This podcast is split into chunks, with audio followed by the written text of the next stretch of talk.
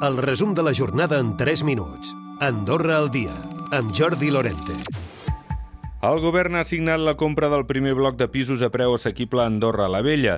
De fet, han avançat des de l'executiu que la setmana que ve i l'altra es compraran el segon i el tercer, Sant Julià de Lòria i en Camp. La ministra d'Habitatge ha explicat que aviat es presentaran els requisits per entrar-hi a viure, però que la idea és prioritzar les famílies amb menys recursos.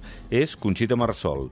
És un edifici que tient, pot arribar a tindre, si tot quadre, uns 14 pisos, d'unes mides entre 60 i 80 metres els pisos. Hi haurà pisos que seran més per famílies monoparentals, d'altres que seran més per famílies de, doncs, de dos o tres o quatre persones, i això ho anirem valorant en funció de les inscripcions.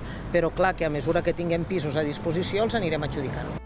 De fet, si tot va bé, amb les adquisicions d'aquests tres edificis es podrien posar al mercat un centenar de pisos en vista l'any que ve. Els arquitectes consideren que els pisos a preu assequible no faran variar el preu de l'habitatge. Creuen que el mercat de lloguer seguirà pels núvols, tot i que aquesta mesura que defensen no ajuda tota la ciutadania. La degana del Col·legi d'Arquitectes, Sònia Palau. Per la franja de la població que té un nivell eh, econòmic més baix, doncs és una solució, però no és una solució per tothom. Hi ha tota una franja intermitja que no té accés tampoc a aquests habitatges. No és que serveixi per baixar el preu del mercat, sinó que perquè el mercat està molt elevat perquè continua a haver un interès eh, per part de l'inversor estranger.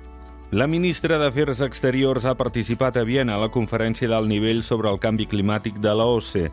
Els mandataris han discutit sobre les implicacions que té en matèria de seguretat i Mator ha reconegut aquest vincle assenyalant que s'ha vist incrementat per la guerra de Rússia contra Ucraïna amb implicacions en els mercats dels aliments i l'energia. Ha subratllat el compromís d'Andorra en aquesta matèria i la necessitat de conscienciar sobre la vulnerabilitat de les regions muntanyenques. I la situació socioeconòmica dificulta a bona part de la població fer alguna escapada a l'estiu, l'enquesta de l'Observatori d'Andorra Recerca més Innovació d'aquesta setmana deia que més del 30% dels ciutadans no poden fer front a un imprevist de 1.050 euros.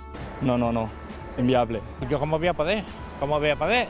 Si tenemos el kilo de pescado, por decirte algo, a, a, a 10 euros a los boquerones. Bé, justet, justet, sí. És un problema, no és una xifra tan elevada com per, per no poder-ne fer front. L'òrgan fiscalitzador qüestiona de nou el contracte de patrocini de l'Ironman per part d'Andorra Desenvolupament i Inversió. Ja ho assenyalava en l'informe del 2020 i ho reiteren el del 2021. Considera que l'ajut d'un milió i mig d'euros entre el 2021 i el 2024 no constitueix una activitat que estigui vinculada a l'objecte social de l'entitat i expliquem que tan sols un 20% dels professionals que utilitzen espais de coworking són andorrans. La resta són estrangers, de més d'una trentena de països. La inversió forana és un dels potenciadors d'aquest nou segment empresarial. El coworking està creixent també en ser una alternativa al teletreball. Des del sector es mostren convençuts que seguiran a l'alça. Recupera el resum de la jornada cada dia a AndorraDifusió.d i a les plataformes de podcast.